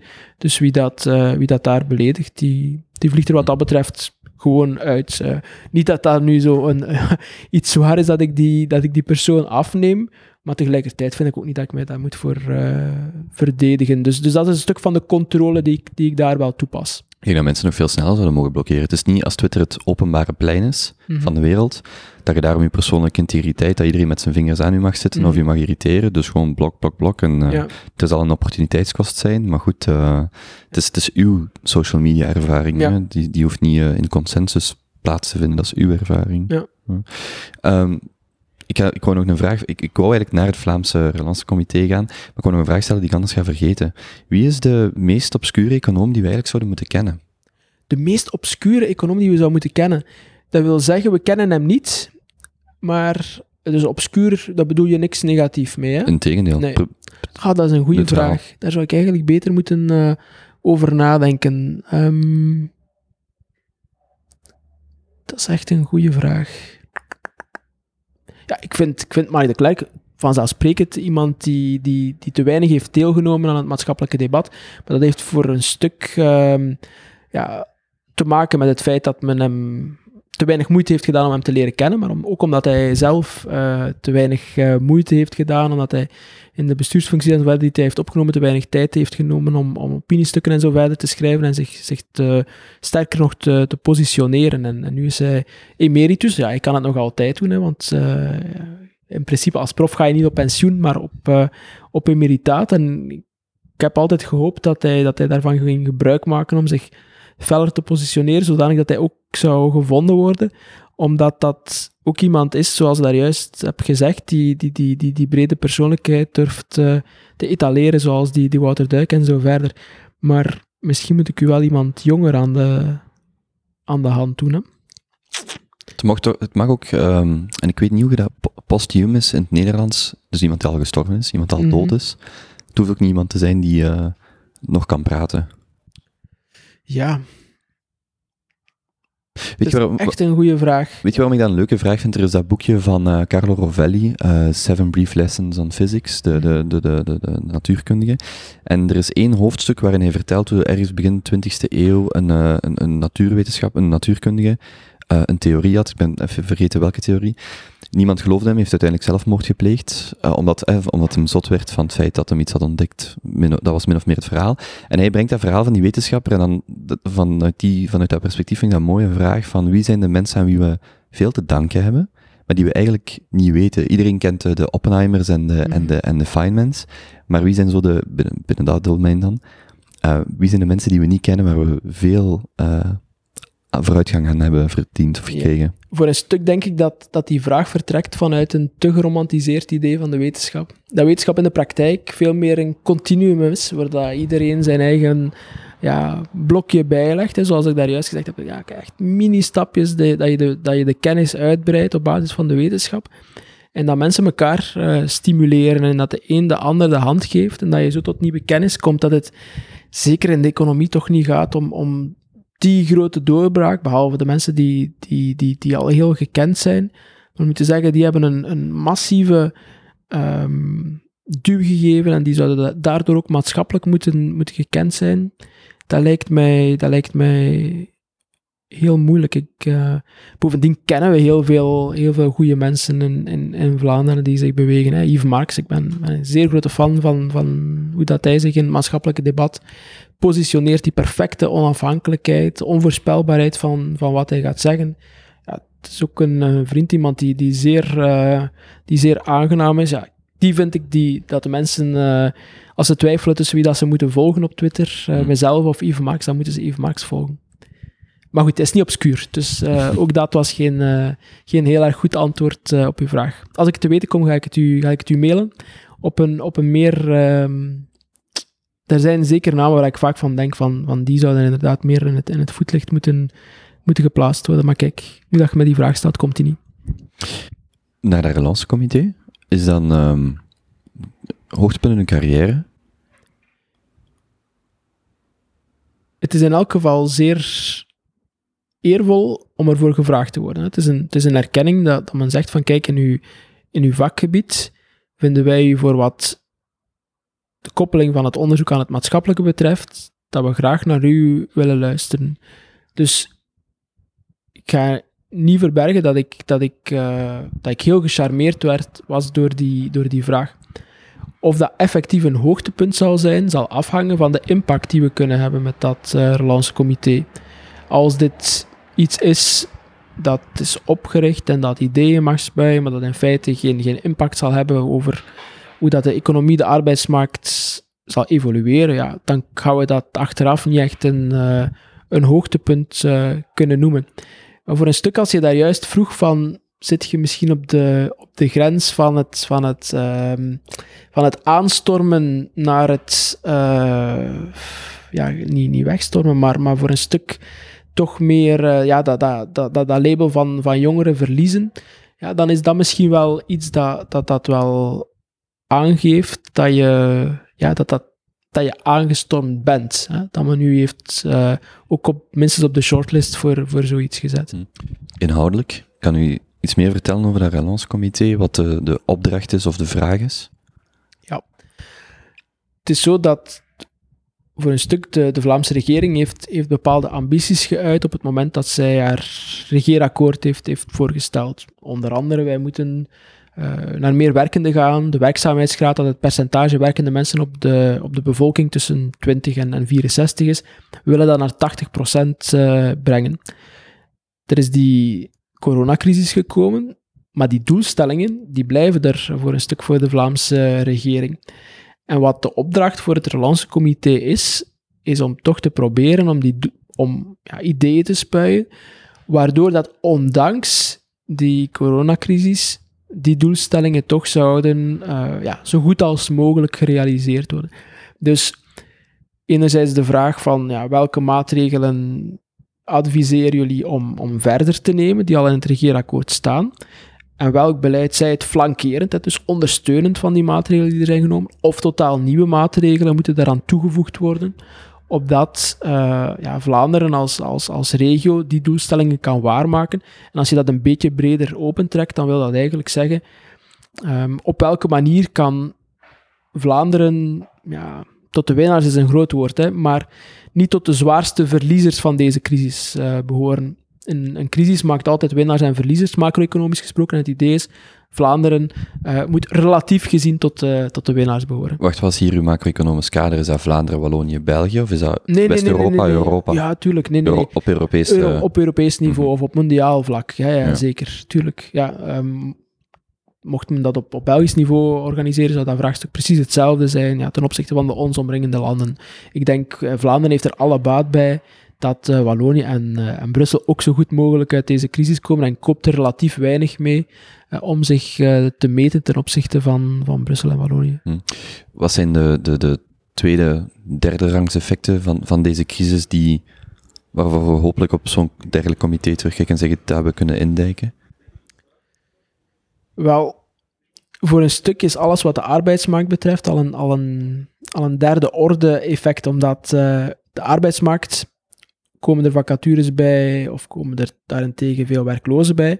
Hangt ervan af wat de economische activiteit gaat doen. Gaan bedrijven terug kunnen erop starten of gaan die failliet? En dat is op zijn beurt weer afhankelijk van de gezondheidscrisis. Krijgen we die onder controle of komt er nog een tweede fase van, uh, van de opflakkering van het, uh, van het virus? Dus op zich heb je daar al een, ja, al een keten waarbij dat die arbeidsmarkt de derde schakel is. En als je je dan afvraagt van, ja, wat, zijn dingen iets, iets breder bekeken die, die ik denk die zullen moeten aangepakt worden, dan zijn dat dingen die ik, die ik al eerder heb gezegd in het kader van, van een hoorzitting in het Vlaams parlement. Dan is dat dat uh, de mismatch op onze arbeidsmarkt, dat wil zeggen, uh, het feit dat, dat vacatures die er nog zijn, knelpunten die er nog zijn, want als je naar de website van de VDAB gaat, zijn er veel vacatures, dat die niet aansluiten op de werkzoekenden die erbij komen. Ja? Dat mensen een job verliezen, maar dat die niet de vaardigheden, het diploma, de ervaring hebben die aansluiten bij de vacatures die er zijn. Dat noemen we een mismatch. En ik denk dat het cruciaal zal zijn en iets wat dat ook zal moeten op afgerekend worden, de mate waarin dat we dat um, ja, proberen met beleid niet te laten toenemen uh, en zoveel mogelijk te proberen uh, indijken. Want elke vacature die nu blijft openstaan is een gemiste kans om iemand die werkzoekend is of wordt een, een job aan te bieden. Dus dat idee dat we een doorbraak kunnen realiseren in het, in het heropleiden van mensen, dat is voor mij iets waar, waar ja, een, overtuiging waarmee ik in dat, in dat comité ben gestapt, dat men ook op voorhand uh, wist dat dat iets was dat, dat um, ja, voor mij iets was dat ik, ik zou gaan uh, vertellen en, en, waar ik van hoop dat we, dat we daar iets kunnen doen en dat we daar ook uh, kunnen op afgerekend worden. Ik wil, ik wil vanuit ons, onze generatie, want ik denk dat wij alle twee millennials zijn, of ja... Dat niet, 83, ja. Is dat net waar dat de millennials beginnen denk tot het, ja. einde van het millennium? Ja. Oké, okay, dan zal ik ons uh, homogeniseren. Um, de, ik moet even nadenken hoe ik het pro precies probeer te vertellen. Er is mijn achtergrond, verbeter mij als ik, als ik denkfouten maak. Mijn achtergrond is uh, 2016 politieke verkiezingen in de VS. En, en ik herinner mij de krantenkoppen van de experts zagen het niet aankomen, maar de experts hebben een oplossing. Vandaag 2020 kom ik tot de constatatie voor mij persoonlijk dat zelfs de mensen die ik experts zou noemen, als je naar gewoon de, de aanpak van de gezondheidscrisis kijkt, dan vraag ik me af wie, wie zijn eigenlijk de experts? Want er is zoveel misgelopen. En de, de richting waar ik naartoe wil is, jij als lid van, of, of als onderdeel Mm. van iemand die mee beleid kan schrijven of beleid kan beïnvloeden, versus jij als iemand deel van een generatie, die ook wel de rekening zal moeten betalen, of die, die verantwoordelijk Mhm. gaat zijn voor de lange termijn effecten. En ook als ik daarnet mijn vraag stelde voor de grote, of de, de, de tweede, derde rangs effecten van, ik ben vandaag 28, jij 36, in welke mate, naar wie kijken wij vandaag, wat, zijn de, wat is de situatie waarin wij ons bevinden en wat zijn de lange termijn consequenties van, van waar wij vandaag in zitten. En die, die twee, waar ik naartoe, waar ik mm, naar probeer te vragen, is de, de situatie waar jij zowel deel een vinger hebt in mogelijk beleid, maar ook een, een, ja, een, een, de effecten zal voelen van het beleid of het gebrek aan dat beleid. Ja, ik, voor mij, ik, grijp dan terug naar de arbeidsmarkt. Dat is, het, is hetgeen waar ik iets over weet en waar ik, dat ik aan, over meedenk en zo verder. Ja, het, logische verhaal is daar ehm, de, de solidariteit tussen de, tussen de generaties in dat opzicht. Dat we, dat we met, die, met die vergrijzingsgolf zitten. Hè. Mensen gaan, gaan op pensioen en, en de huidige generaties, waaronder de mijne, die zullen ja, dat mee moeten dragen. Hè. Dus eh, het aantal schouders onder de sociale zekerheid en dus onder de pensioenen, dat dreigt ja, veel beperkter te worden, waardoor dat elk van die schouders meer lasten zal moeten dragen.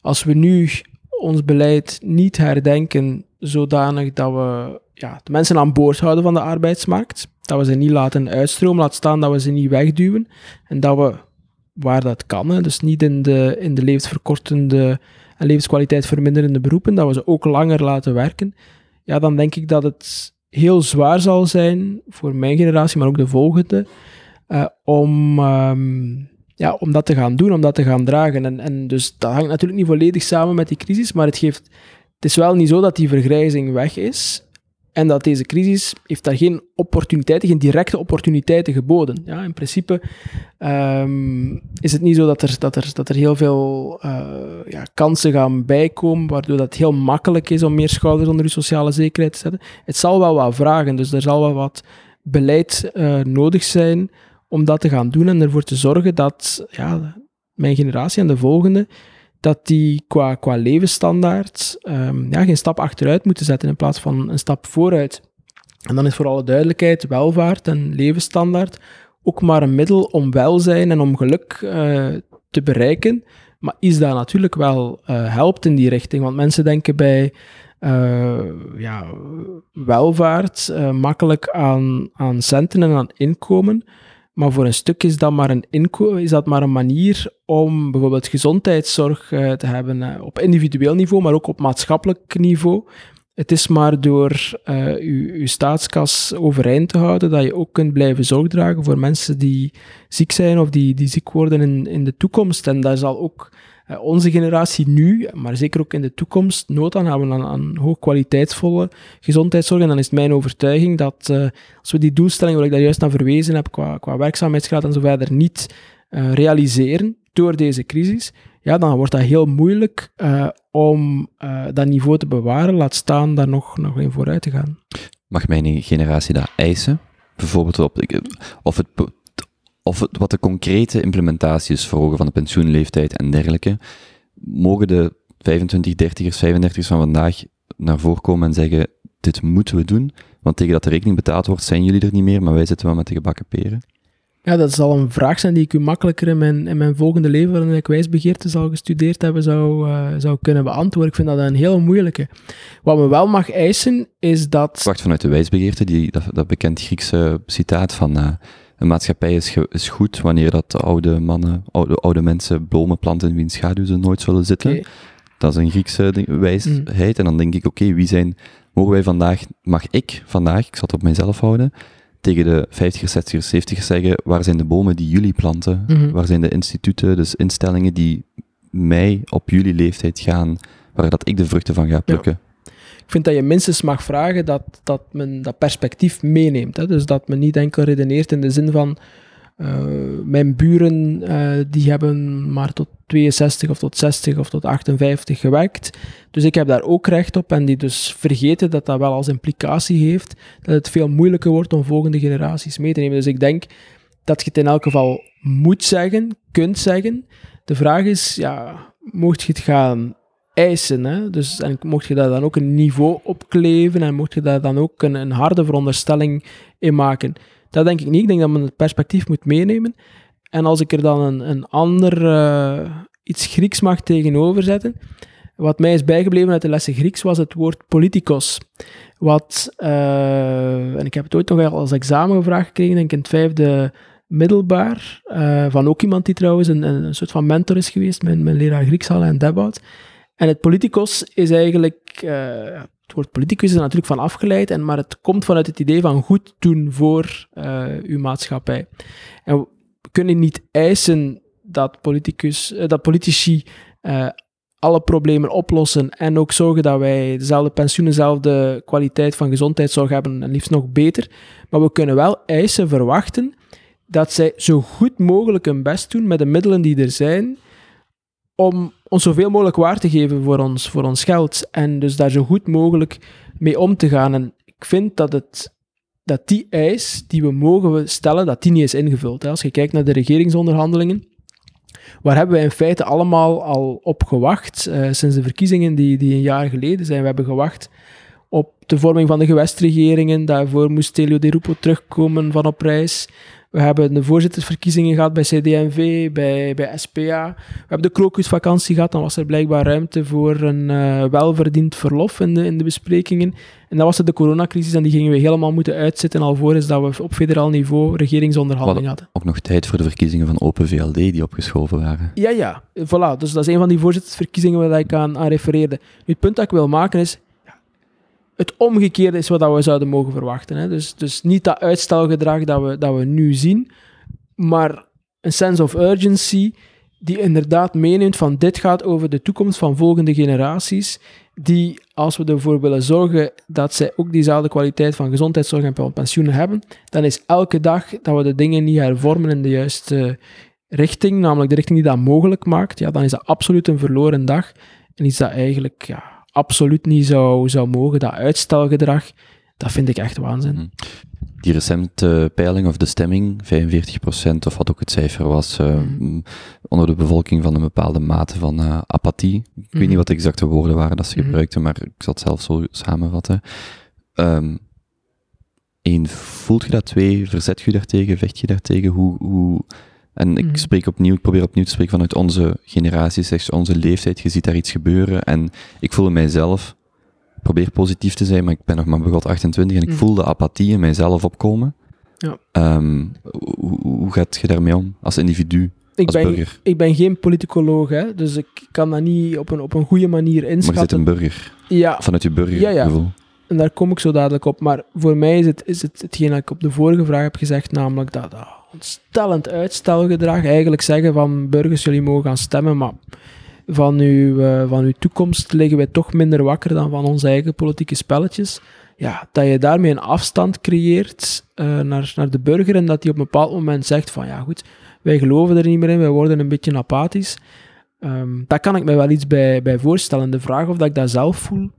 Nee, ik vind enerzijds uh, politiek te interessant om te volgen dat het mij niet meer zou interesseren. Dus het blijft hetgene dat ik lees in, in, de, in de krant. En ten andere, die politiek politicien vind ik misschien wel een beetje erg, maar vind ik langs de andere kant ook wel entertainend. Uh, dus de, de boeken van Hugo de Ridder die politieke reconstructies maken over het, over het verleden en dat vooral gaat over, over ook intriges. Ja, ik vind dat wel boeiend, dus dat houdt mij niet tegen om het uh, te blijven volgen. Plus, is het wel zo dat ik op individueel niveau heel veel politici tegenkom die ja, echt wel geëngageerd zijn, die heel veel capaciteiten hebben.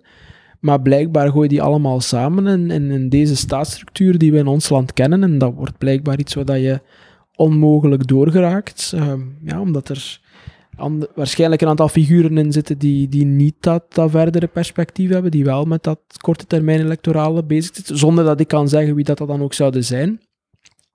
Maar vooral, ja, dit is een, is een land waar dat het, ondanks dat je capabele, uh, goedmenende individuen hebt, dat het heel moeilijk is om daar een, een regering mee te vormen op het federale niveau. Omdat ja, het is natuurlijk wel een realiteit dat uh, in mijn inschatting, opnieuw, ik ben geen politicoloog, dat, dat uh, de Vlaamse grootste gemene deler in het beleid toch iets anders is dan de, dan de Waalse en de Brusselse. Moest het een tweet zijn, valt het wel onder de 1%, denk ik. Ja, maar uh, goed, dit is een gesprek waar jij de vragen stelt en mm. ik antwoord erop. Dus, uh, en je hebt gezegd, uh, antwoord als burger. Ik heb heel veel gezegd van dit is mijn expertise niet. Dus ik heb mij, net zoals op Twitter, toch wel een beetje mm. ingedekt. Mm -hmm. um, even kijken, je haalde daar net... wacht. Um, ik, wil nog, ik wil daar nog heel kort bij stilstaan, bij die... De, een van de, de, de, de, de thema's die ik voor mezelf aan de hand van deze podcast, maar ook in, in het algemeen probeer te, te onderzoeken of, of, of te ontdekken, is de mate van individuele verantwoordelijkheid en maatschappelijke verantwoordelijkheid. Dus in welke mate gooi ik mijn sigaret op straat? Moest ik mhm. roken? Dat is heel duidelijk. Dat zou ik niet doen. Maar bijvoorbeeld in, in, in de mate van die politieke apathie waar we het net over hadden, in welke mate heb ik een maatschappelijke rol te spelen en zeg ik bijvoorbeeld, politiek, het interesseert mij niet meer, of de lange termijn interesseert mij niet meer. En dat, de, de, waar ik naartoe wil is, hoe denk ik zelfs over bijvoorbeeld, want dan komen we terug aan, aan uw veld, de arbeidseconomie, de, de demografische realiteit. We worden ouder, er zullen meer uh, gepensioneerden zijn, de, de last wordt groter. Dus dat is een demografische realiteit die er is, die de komende 10, 20, 30 jaar uh, weinig zal veranderen. Maar ook waar zit voor mij als, als individu de, de verantwoordelijkheid om daar uh, iets aan proberen te doen, uh, als in letterlijk kinderen op de wereld zetten, dat maakt het heel direct, maar ook een stem daarin te hebben, proberen daar een idee, proberen daar constructief over te zijn, die grote tegenstelling tussen wat wilt jij als individu en hoe maak je je maatschappij beter? Dat is een goede vraag, die, die, die voor mij heel moeilijk is, omdat dat ja, toch, toch heel brede reflectie in een richting waar dat ik, waar dat ik niet zo heel vaak over, over nadenk. Trouwens, economen die gaan dit typisch gaan, gaan oplossen door systemen te bedenken waardoor dat je eigenlijk het individu prikkels geeft om in die richting te ageren dat je ook het maatschappelijke meeneemt. Hè. Dus uh, het idee van incentives, of omgekeerd het idee van externaliteiten, hè, de vervuiler mm. Betaalt. We zorgen ervoor dat we op dingen die vervuilend zijn extra belastingen gaan heffen, zodanig dat mensen automatisch gaan uh, in de richting van wat maatschappelijk goed is gaan, gaan ageren. En dat eigenlijk gaat daarachter een beetje het idee schuil dat, dat de mens op zich um, zijn, uh, ja, zijn, zijn individuele geluk gaat gaan nastreven. Waarbij dan natuurlijk, en dat is ook een, een, een denkbeeld wat ik zelf vaak in, in redeneer. Dat proberen maximaliseren van, van, van mijn geluk. Uh, en geen schijndoelstellingen, geen dingen die daar niet aan meehelpen. En natuurlijk, in die individuele geluksfunctie kan ook het maatschappelijke zitten. Hè? Dus, dus uh, het maakt mij gelukkig dat het met andere mensen goed gaat, dat andere mensen uh, ja, hoog welzijn ervaren, gezond zijn, gelukkig zijn en zo verder. De vraag is, hoe breed gaat die, die cirkel? Het aantal mensen die, uh, uh, waar dat je, dat je affiniteit mee hebt en dat je actief voor wilt gaan, gaan inzetten. Is dat de hele wereld? Is dat het, uw gewest? Is dat alleen uw familie? En zo verder. Moet je zeggen van we kunnen dat gaan eisen van mensen? Dat denk ik niet. We kunnen dat hopen. Het is een mooie eigenschap als mensen ja, verder gaan of, of, of, genot ervaren doordat anderen genot ervaren. Maar ik denk, um, het is voor mij geen, geen, geen, geen eis naar anderen toe. Ik waardeer het, maar het is niet uh, het minimale waar dat ze aan moeten voldoen om, uh, opdat ik er ja, bevriend of, of wat dan ook mee, mee zou kunnen zijn. Hmm. Voelt je nu identiteit in Gentenaar in, in hmm. instantie, in eerste plaats? Niet meer. Uh, ik heb, ben ooit heel verliefd geweest op Gent. Dat is een beetje teruggevallen. Ik kan daar ook niet echt de vinger op leggen. Misschien het nieuwe dat er, dat er een beetje af is. Mijn identiteit... Um, ik ben daar eigenlijk niet zo mee bezig om dat geografisch te plaatsen. Ik denk... Maar als ik u vraag, Vlaming, Vlaming Belg, Europeaan? Dan zal het het minst Europeaan zijn. Het meest Vlaming en Belg. Uh, ik denk in de richting dat je het noemt. Eerst Vlaming, dan Belg en dan Europeaan. Um, omdat daar ook mijn, mijn interesse ligt en omdat ik daar het meest affiniteit mee heb. voor de rest, ja, Gentenaar, ik ben hier natuurlijk niet geboren, hè, dus ik, ik zal nooit een, een echte zijn. Ik heb dit altijd een zeer mooie stad gevonden. Maar daar dat ik vroeger eh, elk straatje in Gent wou, ontdekken en dat ik ervan genoot om, om te gaan wandelen en, en nog eens een nieuw straatje bij te ontdekken en alles aan elkaar te proberen knopen, heb ik dat nu een beetje met Brussel. Ik, ik, heb al gewoon geweest dat ik de trein nam naar Brussel, wel dat ik regelmatig moet zijn, maar dat ik toch specifiek de trein neem om te gaan wandelen in Brussel en om, en om daar straatjes te ontdekken. In het centrum dan? In het, ja, nee, nee, nee, in het centrum, absoluut. Uh, dus het beperkt zich voorlopig daartoe, omdat ik het ook nog volledig, uh, nog niet volledig ontdekt heb. Nou, ik ben wel overal geweest, maar, maar om alles nu echt aan elkaar te knopen, echt mijn weg te weten, uh, ook, ook, ook de, continu, allee, de, de evolutie in de dingen een beetje te proberen zien, hoe dat de dingen ontstaan zijn en zo verder, daar ben ik nog mee bezig. Plus ook de, de, de typische Brusselse bistro's uh, met, met uh, klassieke gerechten, geen nouvelle cuisine, daar ben ik absoluut niet voor. Ja, dat spreekt mij in Brussel enorm aan. Dus mijn vrienden gaan eten in, in, Brussel ook. Uh, dat voelt voor mij momenteel aan als, als op verlof gaan. En, en die, die verliefdheid die er vroeger bij, bij Gent was, is een beetje verschoven richting Brussel. Maar daar kun je natuurlijk niet mee identificeren, omdat je daar niet, niet woont. Dus nee, ik identificeer mij niet zo, niet zo sterk met, met Gent. Ook niet meer met de heimat, met, met het Waasland uh, of zo. Hoewel het dat. Vroeger wou ik mij daar een beetje van afzetten. Uh, dat ik daar wel was geboren, maar voor de rest er nog maar weinig mee had. Dat ik wel voel dat dat een beetje terugkomt. Uh, het idee van die wortels liggen daar, toch dingen herontdekken en zo verder. dus het is geen specifieke affiniteit met een stad of een, een regio in, in Vlaanderen of België, wat dat betreft. nee. U haalde Yves Marx aan. Er was overlaatst ook een interview met u en dan Yves Marx en uh, Dave uh, Sinardin. Topste uh, interview dat ik al gedaan heb. Was dat het, het omdat uh, dat ik het juist heb begrepen, want zo werd het, dat was de inleidende paragraaf, stond, jullie spreken af en de knak zat er toevallig bij. Ja, heb je dat geloofd? wel, ik vond het een mooie stijlfiguur, maar ik weet niet wat de, de, de, ja. de kern van waarheid is. Wel, wij spreken af en wij gaan uit eten met drie. Um, en Knak was erbij, dus, dus dat klopt. Hè, maar vanzelfsprekend is dat iets dat uh, ja, een beetje gegroeid is. Hè. Dus de, de journalist die erbij betrokken was... Ewald, maar jullie hebben wel een periodiek onderhoud. En dat bedoel ik niet... Niet dat het onze klok afgaat als, als er een paar maanden gepasseerd zijn, maar uh, wij zijn bijvoorbeeld vorig jaar twee, drie keer gaan eten dit jaar met Knak. Sindsdien, we wouden nog gaan afspreken, maar uh, de coronacrisis is ertussen gekomen. Dus ja, dat is een, dat is een klikken. En ik heb, ik heb eigenlijk uh, heel wat van die, van die vriendengroepjes van drie tot, tot zes mensen in totaal om mee te gaan eten. En dat, dat is voor mij echt uh, zonder twijfel hetgeen dat ik het, uh, het meeste mis momenteel in mijn leven. Die, die kleine eetgroepjes en de tijd die er daarvoor is. Maar dat wou je niet vragen waarschijnlijk. Hè? Ik hoor je er graag over vertellen. Okay. Ja. Ik, ik stel graag vragen waar ik zelf ook niet eigenlijk echt weet, maar ik hoor u er graag over vertellen. ja, oké. Okay. Want ik, wil, ik, ik, ging, ik wou eigenlijk graag zo richting vriendschap, maar ook ja. uh, vriendschap uh, intellectueel, uh, ja. romantisch, privé, wat, wat, wat, welke ja, rol dat maar misschien moet ik het nog afmaken. Hè. Dus, mm. dus Knak, dus de journalist die erbij die, die mee aanschoof, Ewald Pironet, um, ja, dat is op een bepaald moment ter sprake gekomen met hem. Uh, dus ik, ik, ik hoor die regelmatig, omdat uh, ja, dat is de man die mij mijn eerste grote interview heeft gegeven. En, en voor mij is een kernwaarde loyaliteit. Mensen die goed voor mij zijn, daar wil ik zo goed mogelijk uh, voor, voor zijn. En dus dat is iemand waar ik ook het contact mee hou, dat altijd zeer hartelijk is. Ik vind dat ook een zeer, zeer goede journalist. En op een bepaald moment is dat ter sprake gekomen in een telefoongesprek van, uh, ja, we hebben die etentjes en, zo is dat uh, gegroeid. Dus het was niet helemaal uh, toevallig, maar het was ook zeker niet in scène gezet. Het was een, het was een vrij open gesprek dat we daar hebben gehad en dat hij ja, op papier heeft, heeft gezet zoals dat hij daar, ja, we dachten dat, dat gaat hier op niks lijken, hè, een chaotisch discussie, maar hij heeft daar een zeer goed, allez, mijn zin een zeer leuk interview van gemaakt. -hmm terugkomen naar die groepjes.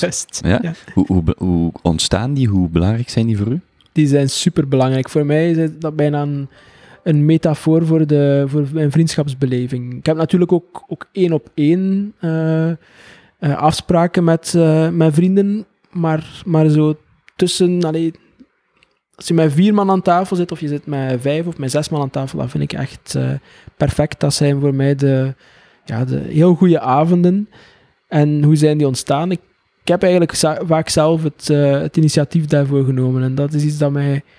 ja, dat, klinkt zo negatief, maar dat mij wel vaak een beetje frustreert dat ehm, mensen heel vaak zeggen van ja, we moeten nog eens afspreken. Ja, we gaan dat doen. Oh, het is toch heel tof dat we elkaar gezien hebben en we gaan dat binnenkort nog eens opnieuw doen.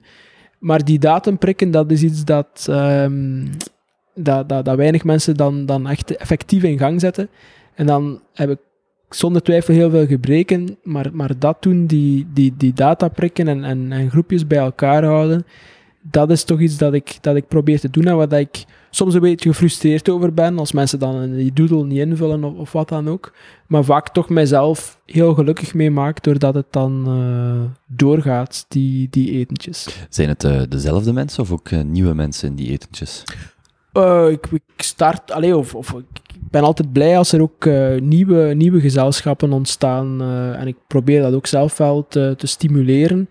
Ja, mensen dat ik het gevoel heb dat er een, een klik kan zijn en dat ik denk van ja, dat zou mij die persoon ook kunnen klikken en dat ik mensen die elkaar half kennen of zo verder samenbreng. En dat dat dan ook vaak heel goed werkt.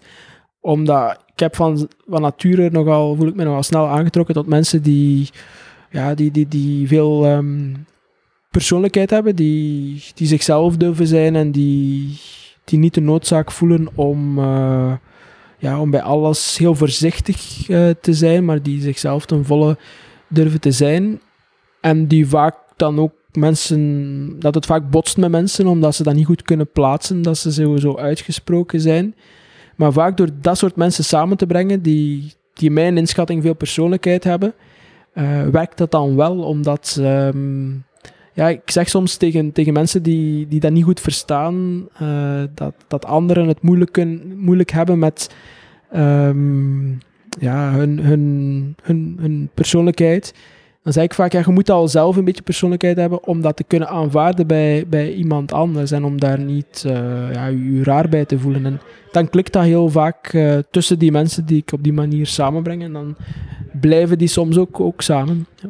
En het voordeel, als ik daar nog één ding mag aan toevoegen, het voordeel van zelf de data te prikken, is dat je eh, de restaurantkeuze zelf in handen hebt. En dan ben ik er zeker van dat het geen, eh geen nouvelle cuisine is. Dus geen eh, kleine hapjes en zo verder. Daar heb ik een ongelooflijke hekel aan. Daar durf ik ook eh, tegen de tv naar, naar, naar roepen.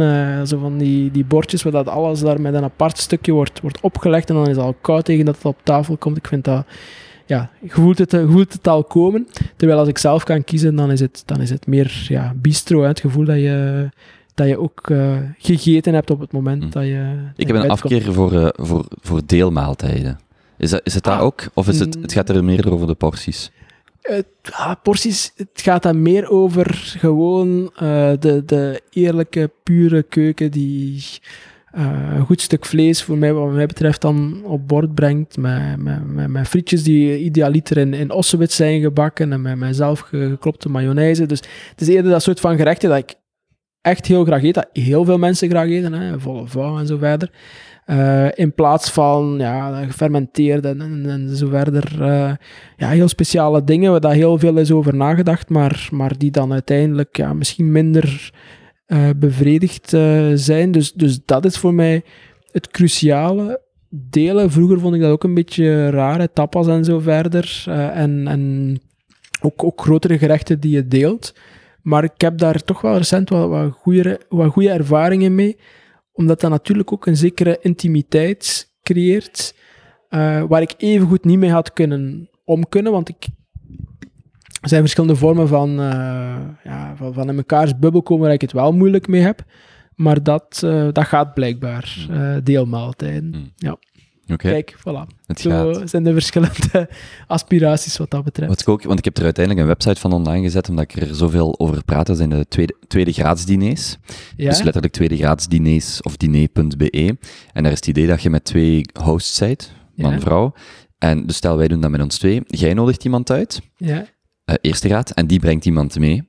En ik vraag, vraag hetzelfde. En eigenlijk het coole daarvan is dat je met, dat je dus eigenlijk omdat er sociale controle is, want iedereen nodigt Mhm. iemand uit, dat je altijd leuke mensen aan tafel hebt zitten, dat je, als je uitgenodigde gast kent, je altijd maar één persoon, namelijk de mensen die je uitnodigt. En toch zit je dan met een groepje van eh, zes in dit geval, Ja. dat je nieuwe mensen kunt leren kennen. Klinkt. Super leuk om te doen. Wacht hoor, maar je zegt eh, man-vrouw. Is, is, is, Nee, is maakt het, uit. is niet een koppel, hè? Ja, nee, oké, gewoon, nee, oké, en oké. idealiter, er zijn ook een paar, want da- daarvoor heb ik dan die website online gezet.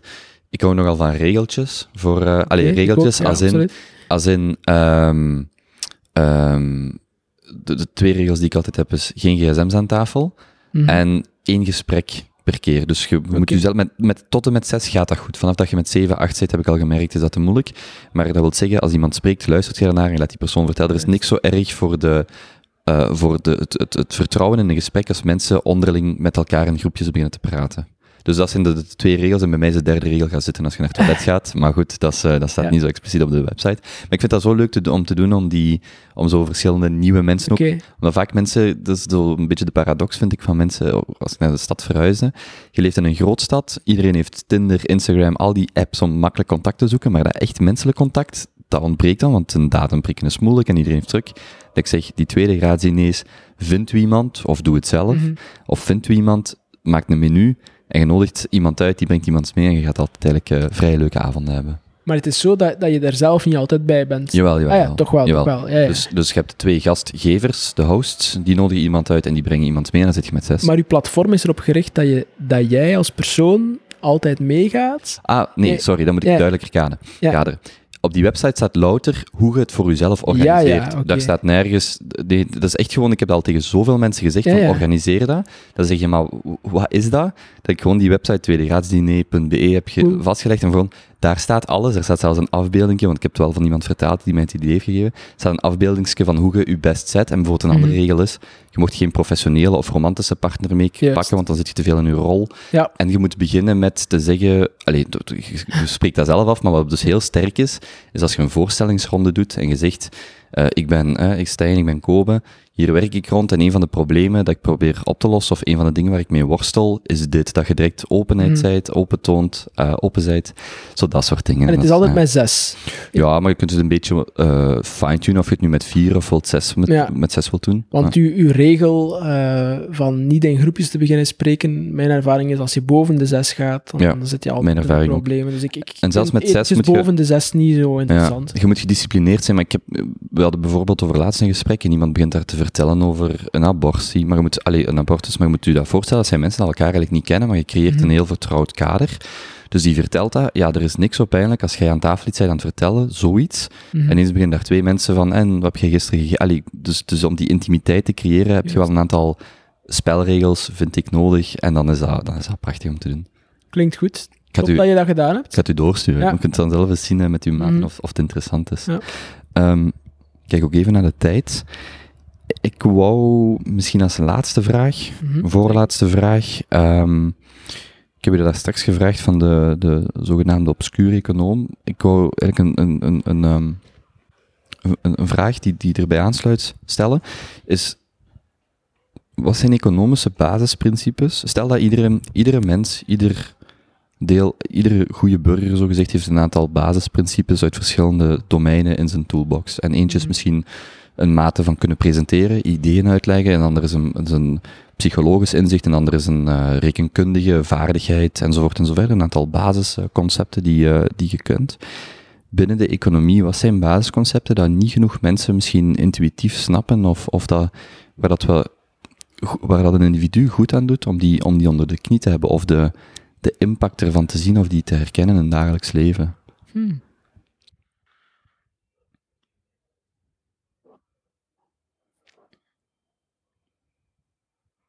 Is mijn vraag duidelijk? Ik weet het niet. Ja. Het is zeer moeilijk. Alweer.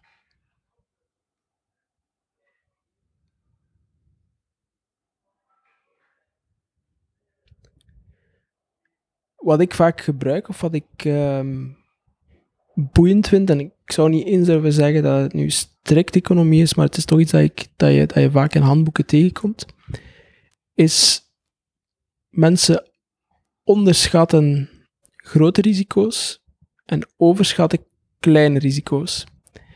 Dus klassieke voorbeeld, als kind of sommige volwassenen, als je het vliegtuig neemt, hebben daar heel veel schrik voor. Hoewel het er een heel klein risico is dat ze op dat moment iets gaan, eh, iets gaan tegenkomen, dat dat vliegtuig gaat neerstorten. Er is een overschatting van de, van de van de kleine risico's. Omgekeerd is er vaak een onderschatting van, van grote risico's. Met, uw, met uw wagen, dronken rijden, uh, bepaalde dingen die, uh, die een andere transportmodi uh, onderneemt. Ja, dat is, best gevaarlijk, want uw kans dat je dan iets tegenkomt, um, die is vrij groot en dan kun je je maar beter, laten we zeggen, beter beschermen. Dus eigenlijk een beter zicht krijgen op ja, de risico's van de dingen die je gaat doen en daar op een goede manier je gedrag van jezelf te beschermen op, uh, op afstemmen. Dat lijkt me wel iets dat, uh, dat nuttig is om, om, uh, ja, om, om, om voldoende vaak over, over na te denken. Van, is die inschatting die ik hier maak en de mate waarin dat ik mijzelf bescherm, is die wel voldoende sterk? Om, om daar te refereren aan, aan, mijn eigen um, handelen. Ik ga mensen heel vaak zeggen dat zij, uh, dat ze zichzelf moeten, moeten, moeten insmeren uh, tegen, tegen de zon op het moment dat zij, dat zij buiten komen, omdat de, de, impact van de zon en gerelateerd huidkanker en zo verder, huidveroudering ook, ja, dat is natuurlijk zeer, zeer groot en dat, is, dat heeft ook zeer, zeer, zeer snel een effect. Um, dus dus het, het, het blootstellen aan, aan, aan de zon en niet beschermd doen, dat is een, denk ik, een risico, maar, maar ik ken daar ik zeg het is in mijn praktijk, het is niet in, in de wetenschap, ik ken er te weinig van het exacte risico, maar ik denk dat dat bijvoorbeeld een voorbeeld is van een, van een onderschat uh, risico. Dat lijkt mij een voorbeeld van iets dat mensen vaker zouden moeten bij stilstaan, van wat is hier nu echt de consequentie van hetgeen dat ik Is er daar een economische term voor, voor dat probleem of voor die situatie? Ik denk niet dat je daar een specifieke term uh, kunt, mm. op, kunt opkleven, mm -hmm. nee, helaas. Oké. Okay. Stijn, waar kunnen uh, mensen u vinden, meer over u leren, ontdekken? Ja, ik, probeer in het verlengde van hetgeen dat ik gezegd heb, de belastingbetaler dienen een, uh, een homepagina aan te houden. Mijn homepagina op de, op, de, op de Universiteit Gent, maar dat ik ook een URL, gewoon stijnbaard.be heb, die, die mensen kunnen bereiken en waar ik veel informatie zet. Waaronder bijvoorbeeld ook uh, de Nederlandstalige samenvatting van, van, van mijn wetenschappelijk onderzoek, dus van mijn Engelstalige publicaties.